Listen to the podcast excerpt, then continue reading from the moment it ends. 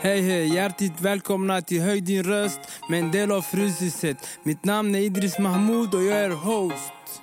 Hjärtligt välkomna. Vi kommer ha olika politiker från Stadshuset hela vägen upp till riksdagen. Så sätt er ner, spänn fast säkerhetsbältet.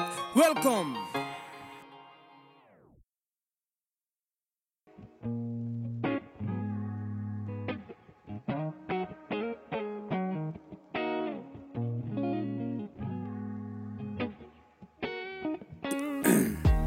Tyvärr det här avsnittet blir det lite fel med ljudet. Så ni får bara nöja er. Tack så hemskt mycket för att ni lyssnar. Dela gärna. Hej hej. Välkomna till ett avsnitt med Höj din röst med Idris. Hej hej. Vem har vi här idag? Hej! Idag har ni Stefana Hotimer, partiföreträdare för Miljöpartiet i Malmö. Okej, eh, vem är du? Alltså så som person, alltså, vad, alltså var kommer du ifrån? Alltså typ var bor du? Alltså Mm. var du uppväxt? Och Lite bakgrund. bakgrund där. Ja. Nej, men jag är född och uppvuxen i Belgrad i Serbien. Kom till Sverige när jag var 13 år gammal efter NATO-bombningen av Belgrad. Min pappa hade redan flytt till Sverige på 90-talet eh, under Balkankriget. Så att eh, jag kom på familjeanknytning och eh, bosatte mig där någonstans ute på vischan i Västergötland, ute på landet. Första gången från liksom huvudstad till landet och det var den största kulturchocken för mig faktiskt. Eh, tog eh, studenten, flyttade direkt ner till Malmö för att plugga faktiskt. Så jag läste på IMER, internationell migration, etniska relationer. Så jag har ju liksom alltid brunnit för mänskliga rättigheter, rättvisefrågor. Ehm, och valde också den banan sen när jag skulle jobba. Så jag jobbade i tio år i Malmö stad som barnrättsstrateg om jämställdhetsfrågor. Så under den, under den tiden också blev jag samtidigt fritidspolitiker. Du, du svarade typ på min andra fråga.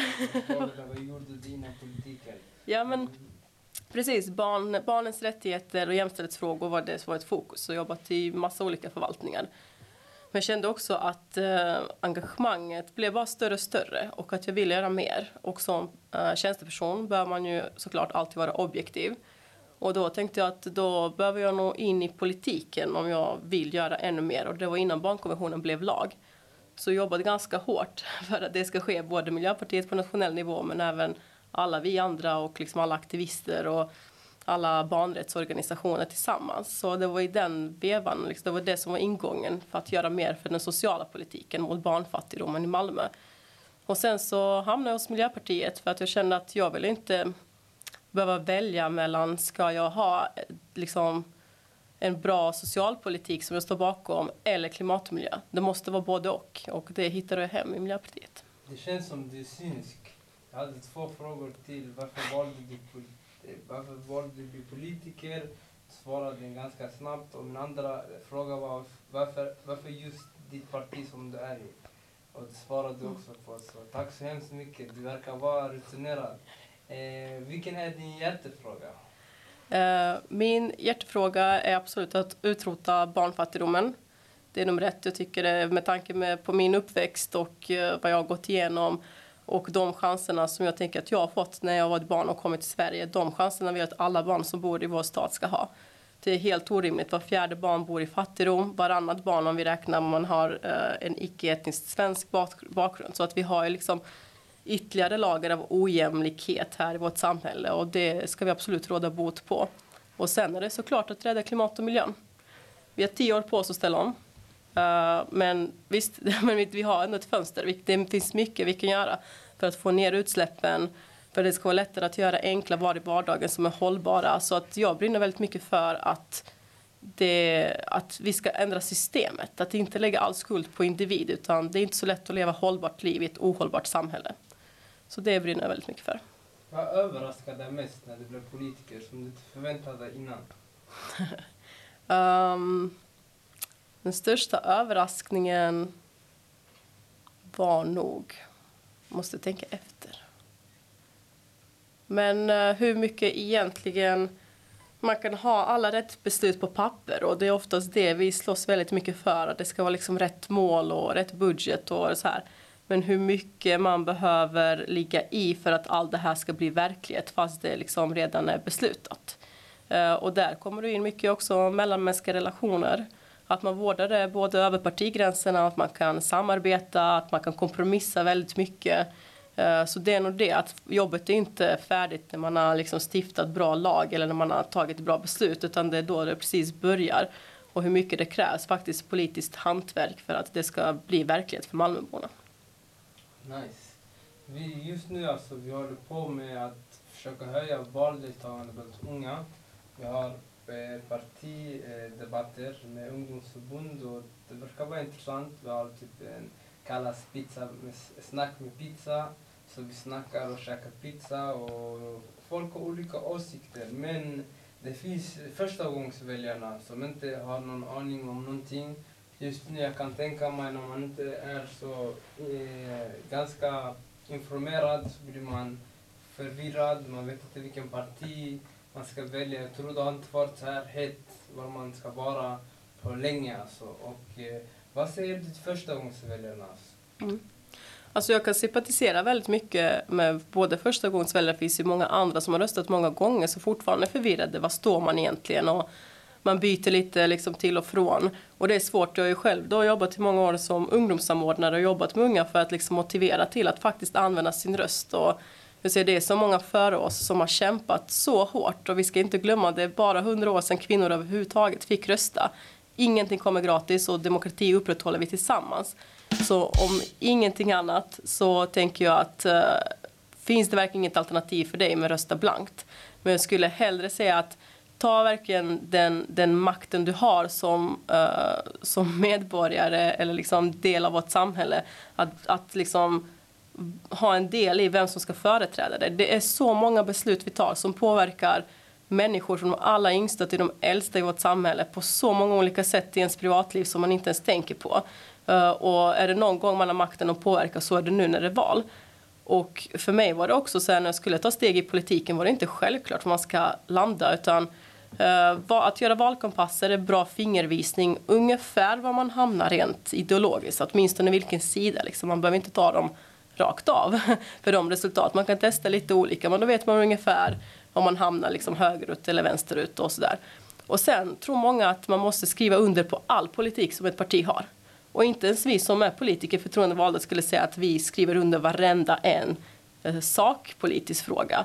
Utan det som är viktigast, tror jag att man tänker okej okay, vilken ideologi känner jag mig hemma i och vilka tror jag att jag har förtroende för. Och då tänker jag att um, när det gäller oss gröna så är för mig som var det övervägande att vi säger så men vi är inte bland oss inte i en höger-vänster. Vi är framåt, vi är progressiva. Vi vill göra någonting åt det här. Eh, vi har en feministisk grund. Vi tycker att eh, eh, ekologin och liksom det gröna är det viktiga. Hälso, alltså att hälsan ska sättas först, att vi är en fredsrörelse, vi är grundade i det. Och då man skriver under på det så tänker man sig ja men det är också saker som är viktigt för mig innerst inne liksom. Uh, sen kan man alltid dividera kronor och över, ören och skattepengar och, på en viss fråga liksom. Men det ska kännas uh, bra i hjärtat när man lägger sin röst helt enkelt. Det är sanna ord. Eh, varför tror du det är så lågt eh, valdeltagande i socioekonomiskt utsatta områden? Jag tror att det hänger ganska mycket ihop med det som vi ser och som forskningen också säger att och alla undersökningar att framtidstron är så låg för barn och unga som har vuxit upp i de socialt eftersatta områden. Och det, det är det som hänger ihop med det vi pratade tidigare om barnfattigdom och också den utsattheten eh, den känslan att man kanske inte är fullt ut en del av samhället. En känsla av att man, vad spelar min röst för roll? För ingen lyssnar ändå på mig resterande fyra år när jag väl har lagt min röst. Var är politikerna då? Lyssnar de på mig då? Och det är där någonstans um, jag tänker att man behöver både visa och motbevisa. Alltså att du, du är en viktig del av det här samhället. Din röst är absolut viktig. Du behöver rösta för dina eh, dina egna intressen för de som faktiskt värnar om de allra mest eh, utsatta. Och att politik gör vi alla de fyra åren, även efter valet, liksom, i mellanvalsperioden. Så att, eh, och jag tror också det, det är samhällets eh, misslyckande. Man måste visa att man satsar mer, både förebyggande arbete, mer ekonomiskt, att man investerar i de områden, att man bygger ut mer grönska, att skolorna ska rustas upp och inte vara liksom slitna i en del av staden men ser väldigt fina ut i annan. Det måste finnas den jämlikheten. Och det ligger på oss politiker att, att eh, kämpa med det för att vinna förtroendet för de som bor i utsatta områden. Eh, vad gör ditt parti för att höja valdeltagandet? För att öka valdeltagandet menar jag. Mm. Ja, men vi är ute så här och snackar väldigt mycket både med unga människor, vi har varit ute på skolorna, eh, på folkhögskolorna, vi är ute på torg, vi knackar dörr, vi har kampanjat på studentboendena under hela mandatperioden, inte bara nu när det är val. Utan vi har liksom informerat med flyers, så här kan du rösta eller så här kan du engagera dig. Vi har haft eh, en eh, att öka demokratin och framförallt ungas röster, Malmöbornas röster Eh, Eh, kampanj som har varit runt om i staden. Jag har eh, motionerat bland annat att vi ska ha en medborgarbudget. Att Malmöborna ska få bestämma mer själva kring sina områden, vad som ska investeras i. Uh, att vi har i vårt program också att vi vill sänka rösträttsåldern. Så att det är ganska många liksom, och jag tror det är min gamla så här, barnrättsstrateg och barn och ungas rättigheter som jag har med mig i grunden som gör att jag tycker att det är så viktigt överlag, även om man är grön eller man röstar på något annat, att man faktiskt deltar i det politiska samtalet. Eh, vilket avtryck vill du lämna efter din politik, politiska karriär? Mm. Eh, jag tänker att jag har en liksom del, eh, eller en tid framför mig också här politiskt just nu. Jag hoppas jag är etta på eh, kommunfullmäktigelistan nu till i Malmövalet. Jag känner att jag är långt ifrån färdig med Malmöpolitiken. För mig är det nu att kunna öka takten i klimat och miljöomställningen. Att verkligen se till att vi drar ner utsläpp i allt från matsvinn, byggnation, att se till att det finns lösningar på plats hur man enkelt kan resa runt i Malmö fast kanske mer kollektivt och med delade fordon. Uh, se till att vi satsar väldigt mycket på förskola och skola, uh, på förebyggande, på civilsamhälle. Uh, men också faktiskt en av mina hjärtefrågor är våld i nära relation. Och se till att alla kvinnor och barn kan leva i trygghet utan våld. Uh, också förebygga liksom, hedersvåld så gott det går. Se till att kvinnor får förtur i bostadskön för att lämna våldsamma män. Och, mm, det är mycket de frågorna som jag tänker att jag vill ha gjort liksom någonting åt saken. Att det ska vara tydlig förflyttning när jag känner mig klar med politiken. Du verkar vara den perfekta politikern att rösta på. Ja, perfekt. Ingen av oss är perfekt. Vi är ju bara människor som vem som helst. Och det är det som är det fina, att liksom våra förtroendevalda eh, och politiker är bara vanliga människor med fel och brister och positiva sidor. Men jag skulle ändå säga att Eh, att vara miljöpartist, det är väl det liksom som man känner också i sin identitet. Är att vara solidarisk, är att vara medmänsklig, är att tro att människor förtjänar alltid en andra och en tredje chans. Och eh, att alla förtjänar jämlika förutsättningar att lyckas i livet. Verkligen, verkligen. Eh, det bästa med den här staden? Det bästa med Malmö för mig är absolut mångfalden vi har. Det är vår styrka skulle jag säga. Många kan prata om det som utmaningar, som problem, som arbetslöshet och annat. Men det är Malmös styrka att vi har hela världen samlad. Att vi har den, all den kompetensen, alla de erfarenheterna. Och det måste vi bli så mycket bättre på att, eh, på att använda. Både i, både i arbetslivet, eh, i utbildning. Eh, att se den verkligen för den styrka vi har. Det skulle jag säga.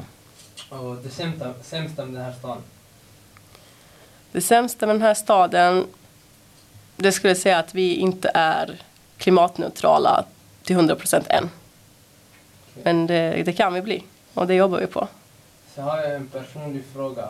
Eh, det är eh, oftast så är det en viss typ av människor som halkar efter i samhället och det är en eh, så kallad narkotikapolitiken. Det är inte själva att legalisera droger, att man ska bruka droger för att ha nice mer typ att avkriminalisera eh, missbruk, alltså bruket mm. av narkotika.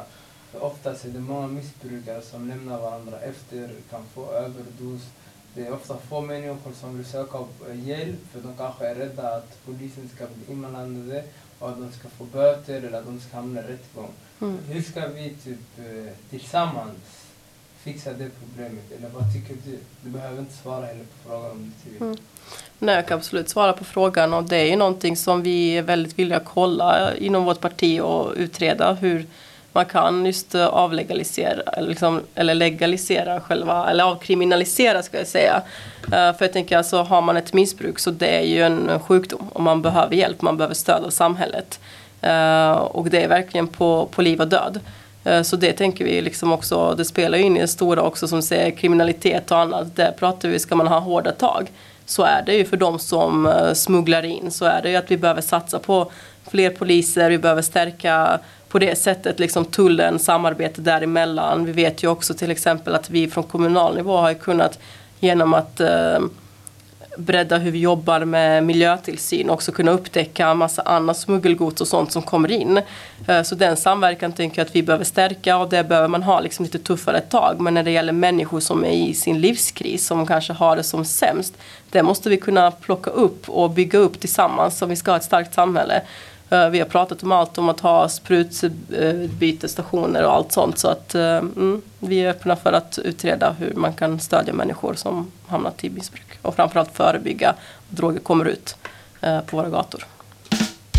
Tack så hemskt mycket. Vi börjar närma oss slutet. Finns det någonting du vill säga, säga till våra lyssnare?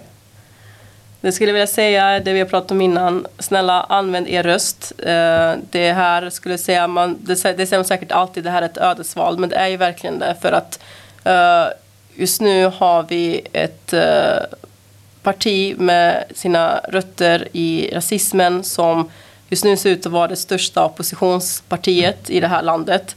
Och vi har resterande högerblock som säger rakt ut att de kommer stödja det här.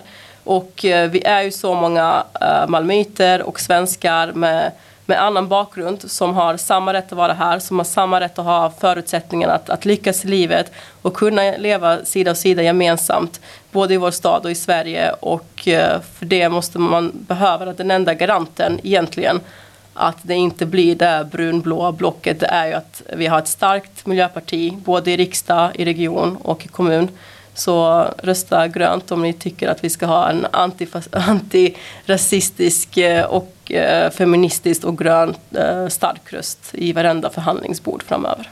Tack så hemskt mycket för att jag fick komma hit och spela in med dig. Tusen tack för att du bjöd in mig.